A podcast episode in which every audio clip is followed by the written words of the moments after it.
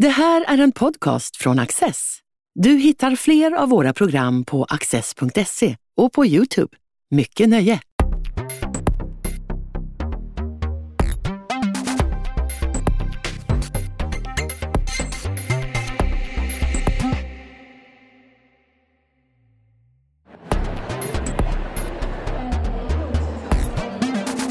Fredriksson har bevakat både Sovjetunionen och det moderna Ryssland i årtionden under sin långa karriär som författare och journalist på SVT.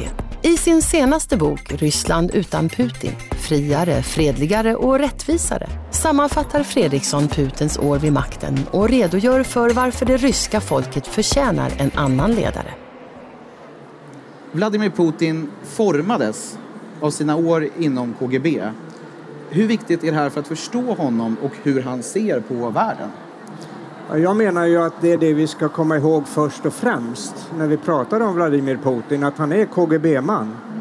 Och att de ränderna aldrig går ur. En gång KGB, alltid KGB.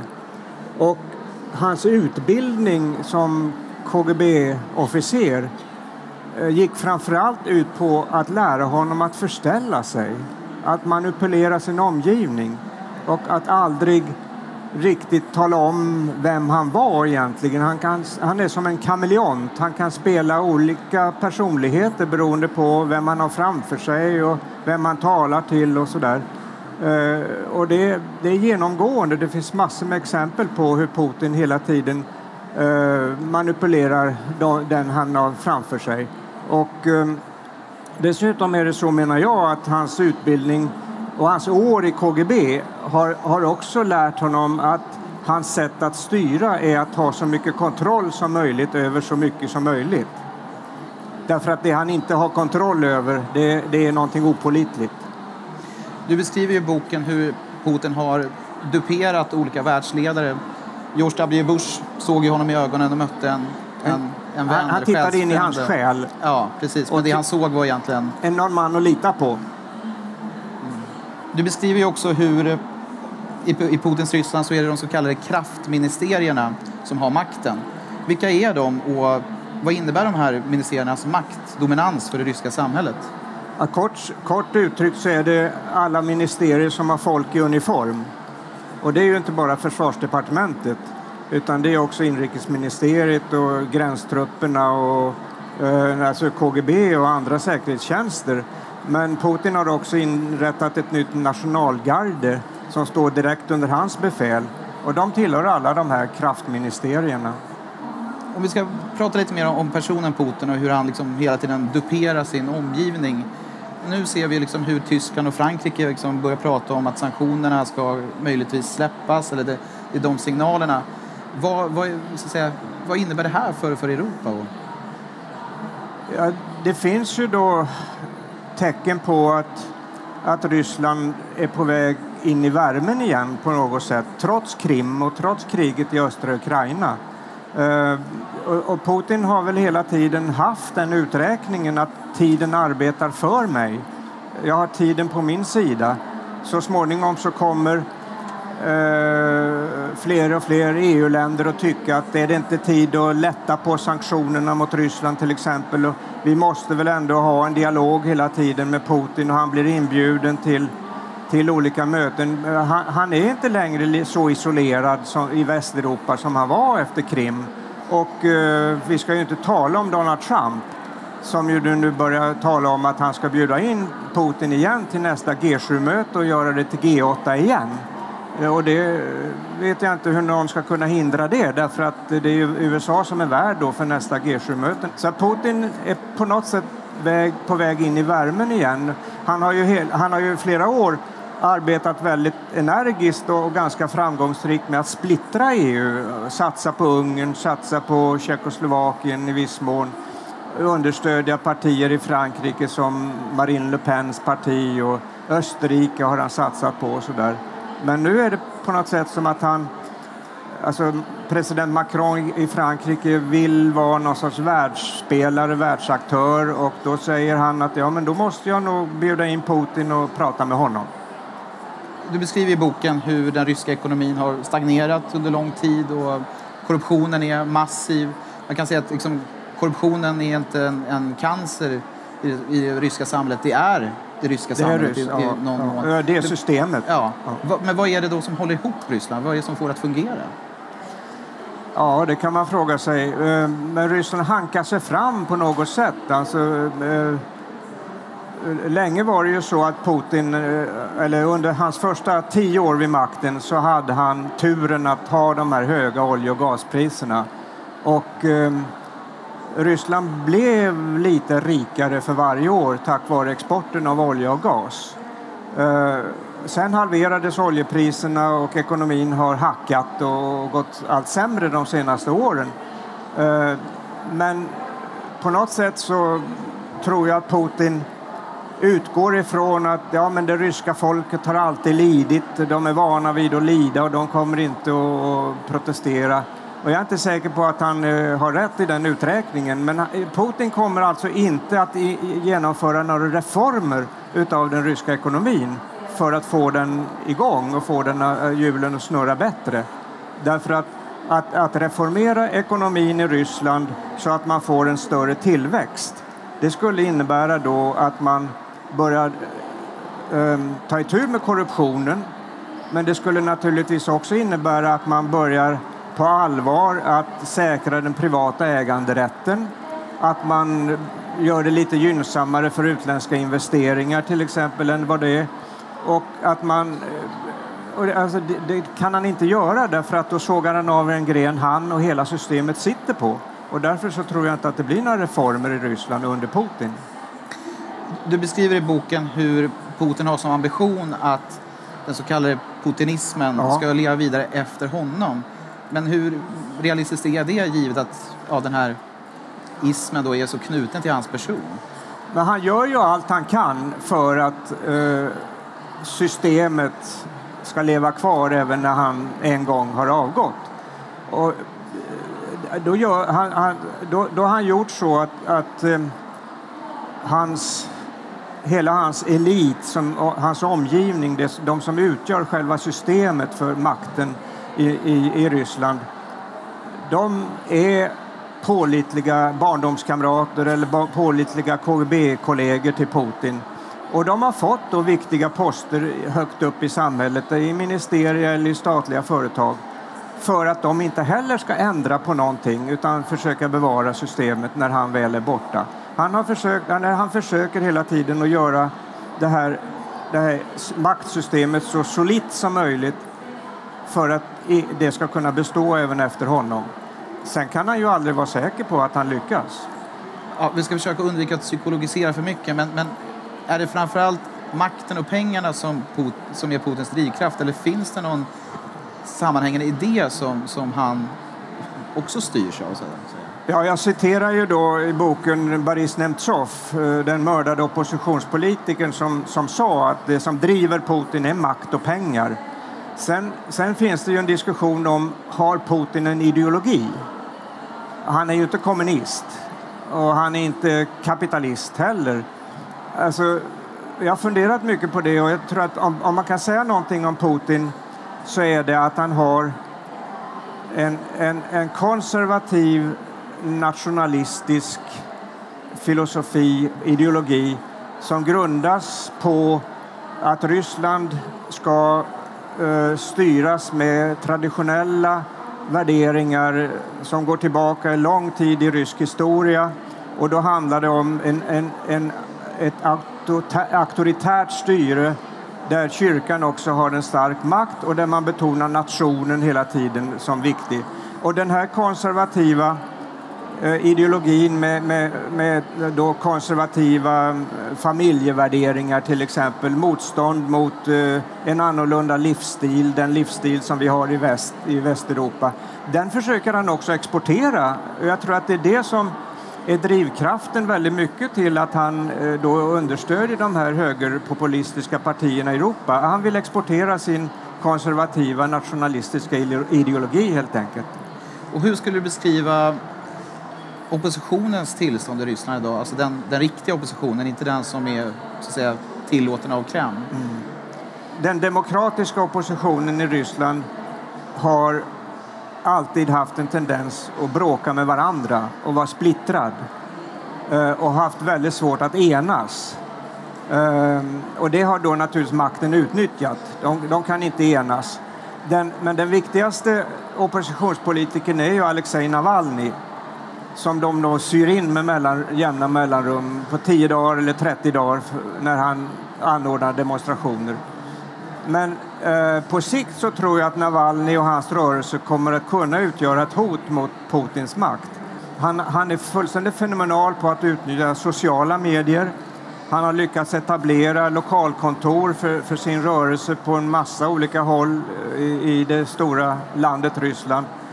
Och han eh, har ju varit väldigt skicklig på att göra de här Youtube-filmerna där han hänger ut och, förlöjligar Putin och Medvedev och andra maktens män.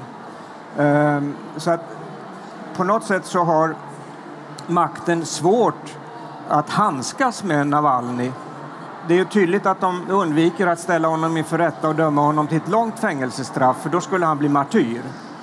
Men Navalny är då den som jag tycker ändå på något sätt har lyckats ena den här demokratiska oppositionen. Navalny har också tveksamma sidor. Uh, Navalny har genom åren appellerat till rysk-chauvinisterna uh, eh, och gått med i en marsch uh, under mottot Ryssland åt ryssarna och sådär. Men, så han är ingen, han är ingen västlig liberal politiker.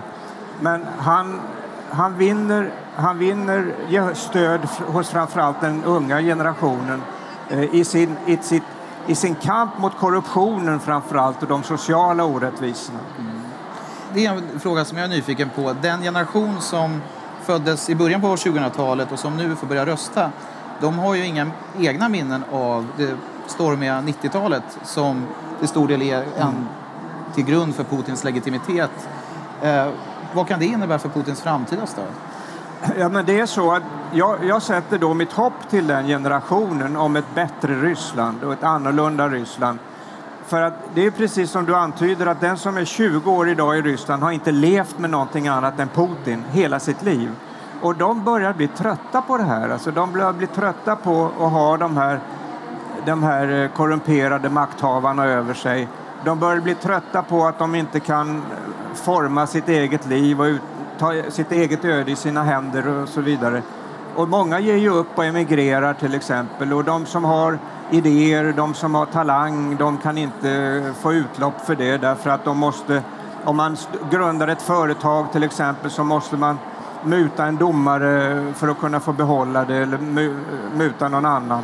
Och de börjar tröttna på det där och de börjar tröttna på att hela tiden som sagt mötas av korruption och mötas av de här sociala och ekonomiska orättvisorna. Och det vi ser nu i, i, Ryssland idag är ju inte bara den här sommarens demonstrationer i Moskva och, och Sankt Petersburg utan vi ser också protester på en lång rad eh, håll ute i landet där just unga och även andra demonstrerar och protesterar mot att det kommer direktiv från Moskva om att Moskvas sopor ska dumpas i deras hemstad till exempel och sådana saker. Eller att en park som de älskar ska rivas och ersättas med motorväg eller ett kyrkobygge till exempel. Och det där, jag föreställer mig ändå att, att de här protesterna är ju, är ju svårare att, att, att stoppa med en brutal insats av kravallpolis. Och där tror jag, det där ligger i alla fall mitt hopp om ett bättre Ryssland. Regimen i Kreml har ju gått, slagit ner extremt hårt på ett sätt man inte sett tidigare mot vissa utvalda i, i den demokratiska oppositionen efter de här demonstrationerna senast. Är det ett tecken på att man känner sig pressad? Ja, det är klart att det är. Men det är klart, eh, alltså, du, du, om du kommer ihåg så var det ju också stora demonstrationer 2011-2012, de här Balotnaja-protesterna. Och då dömdes ju också väldigt många till fyra femåriga fängelsestraff, precis som nu. Men det, det, som är väldigt intressant tycker jag, det är ju också att, att, att det nu i, i, i, i kölvattnet på de här eh, arresteringarna och, och, och häkt häktes, eh, eh, folk häktas och innan de har dömts så uppstår det en solidaritetsrörelse för de här häktade personerna. Upprop på sociala medier Eh, utav också alltså, social, alltså, rätt kända personer, kulturpersoner. Och då, och då tar domstolarna och åklagarna intryck. Det är ju några som har släppts efter de här manifestationerna av solidaritet. Och det är någonting väldigt nytt. Det är nytt. Ja, det var väl en, eh, det var ju tre tidningar som gick ihop och körde en gemensam löpsedel. Ja. Ehm, av en, det var en Medusa-redaktör som Ja, just hade det. blivit fängslad. Galunov. Det- just och det var i juni. Och han, eh, den här eh, journalisten som jobbar för eh, då Medusa-sajten som har sitt säte i Riga. eh, De, eh, han häktades för eh, narkotikainnehav planterat på honom. Och alla visste att han var en oförvitlig person som aldrig hade varit i närheten av narkotika. Och då uppstod just de här eh, yttringarna. Tre eh, anständiga eh, tidningar publicerade första sidor där de, där de påminde om det här Charlie Hebdo-manifestationen i Frankrike eh, och, och skrev ja, vi är Ivan Galunov till exempel. Och han, han släpptes. Och det har varit ett par sådana fall nu också efter de senaste protesterna i Moskva. Vi- har ju vi har ju tangerat hur Navalny använder sociala medier. Eh, det har väl kommit en typ av plan för att Ryssland på sikt ska kunna bygga ett eget internet. För idag är det så att i princip all media, är, förutom några få öar, är ju kontrollerad av regimen. Tror att det finns en tanke med det också, att man ska kunna kontrollera sociala kanaler framtiden? Ja, det, där, eh, det är intressant det där för att eh, internet är ju fortfarande relativt fritt i Ryssland. Man kan ju inte, man kan inte jämföra Ryssland med Kina på något sätt där Kina har varit mycket mer framgångsrikt i kontrollen över sociala medier. Och det, det tror jag aldrig att Ryssland kommer att lyckas med. Um, man gör hela tiden försök uh, att eh, inskränka vissa, stänga ner vissa bloggar till exempel. Man har infört en lag om att har man fler än 3000 besökare på sin blogg så ska man registrera sig som massmedium och då är man underkastad massmedialagarna till exempel. Ehm, och det finns andra sådana här lagar, man inför alltså, nya lagar om eh, hets, eh, krigshets eller propaganda för extremism eller terrorism. Och det, kan man då, äh, det är gummiparagrafer som man kan liksom tillämpa lite som man vill. Men, men alltså, det är ju ingen tvekan om att, att Ryssland idag ändå är ett, på sociala medier ett relativt öppet land. Och äh, den unga generationen blir ju bara skickligare och skickligare i att gå förbi de här hindren. Och, och dessutom finns det då en, en intressant utveckling, nämligen att eh, folk blir mer och mer immuna mot den här propagandan i de statliga medierna, framförallt tvn, och litar mer på, går mer på sociala medier. Och det har makten ännu inte kunnat hindra i någon större utsträckning. Hur farligt skulle du säga att det är att verka som oberoende journalist i Ryssland idag? Ja, det, vi vet ju att det, att det är, är farligt och har varit farligt och kan vara farligt. Den här oberoende tidningen Novaja Gazeta Eh, som ju är väl den, den främsta eh, oberoende tidningen har ju fått sex eller sju journalister mördade under Putins år vid makten. Och den mest kända är ju Anna Politkovskaja. Ehm, så, så det är farligt. Eh, sen finns det ju då ehm, en... Ehm, alltså när det gäller de här statliga medierna som du nämnde, framförallt tv-kanalerna, så finns det ju en censur. Det utgår direktiv från Kreml om vad man ska säga och vilka ämnen man ska behandla och hur man ska behandla dem. Men det, det finns också de här händelserna att, få, att journalister eh, misshandlas eller till och med mördas har ju också lett till en rätt utbredd självcensur bland ryska journalister. Eh, man, behöver, man behöver inte säga någonting från maktens sida därför att journalisterna känner i ryggraden vad de ska göra för att det inte ska hända dem någonting. Och, och det är naturligtvis någonting som, som makten spelar på och använder. Eh, Du beskriver i boken hur Putin befinner sig i Dresden när muren faller. Så han ser Sovjetunionens kollaps på andra sidan så att säga och är inte liksom med i själva skeendet. Eh, hur påverkar det honom? Alltså Putin som KGB-officer i Dresden upplevde Sovjetunionens fall som ett ett uttryck för förödmjukelse av en supermakt.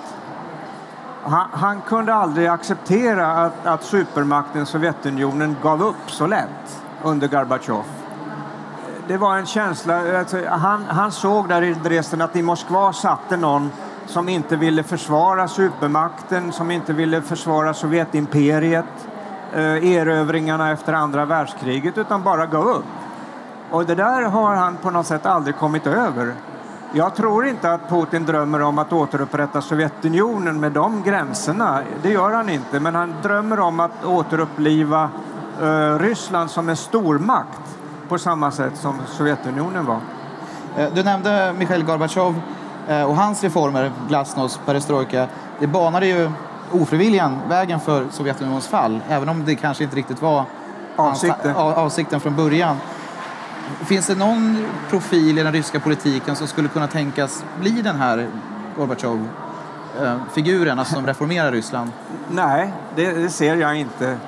Uh, nej, i, i, det gör jag inte. Men å andra sidan så var det ju så att när den sovjetiska politbyrån utsåg Michail Gorbatjov till generalsekreterare i mars 85 så tror jag nog inte att Gramyko och de andra trodde att han skulle bli den reformator som han blev.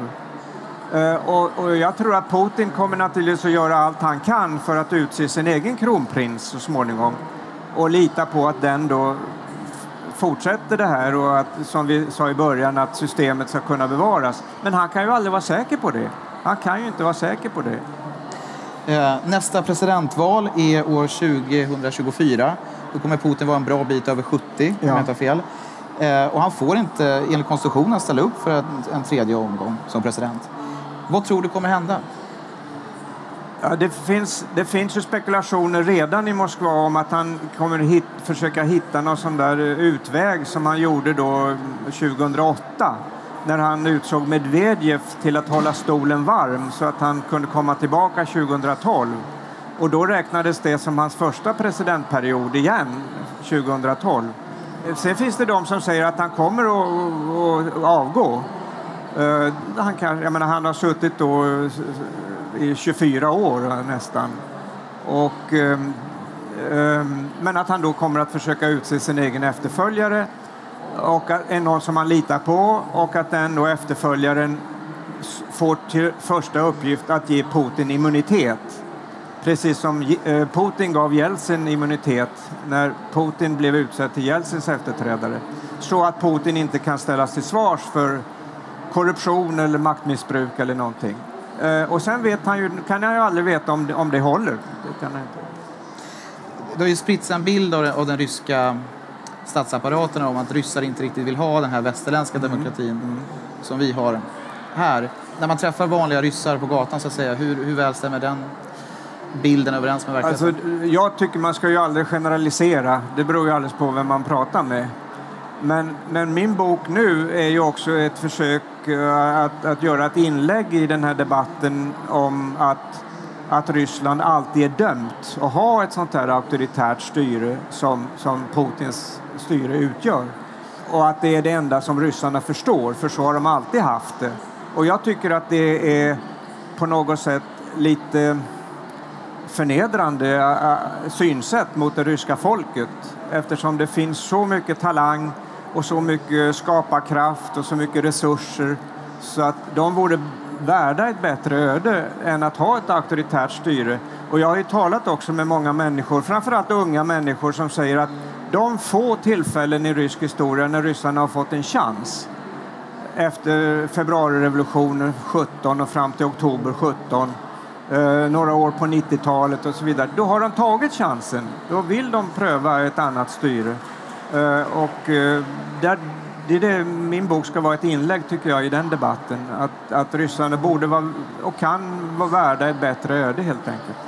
Och att Ryssland är mer än, än just Putin-Ryssland? Och på, att absolut att Ryssland är mycket mer än Putins Ryssland.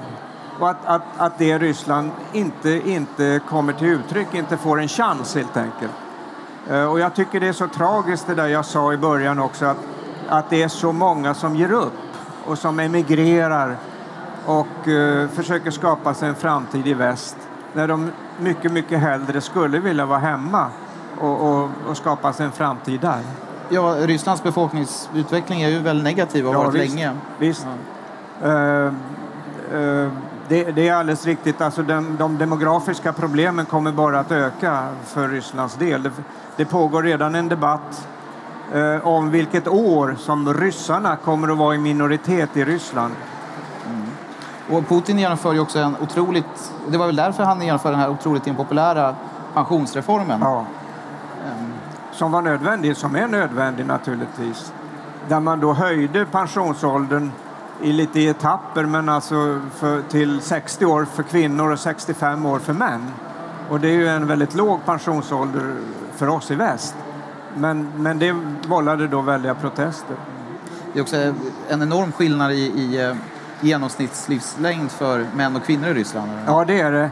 Och, och, och det var väl också därför som det blev så mycket protester. Det är alltså 11 års skillnad eh, mellan, eh, i medellivslängd mellan kvinnor och män. Jag tror att det är 77 år för kvinnor och 66 år för män.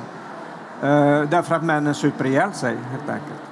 Vi får hoppas att eh, det kommer komma ett eh, Ryssland efter Putin som är friare, fredligare och Vi rättvisare. hoppas på det. Stort tack Fredriksson. Tack så mycket. Tack. Du har just lyssnat på en podcast från Access. Du vet väl att vi också är en tv-kanal och tidning? Teckna en prenumeration idag på access.se.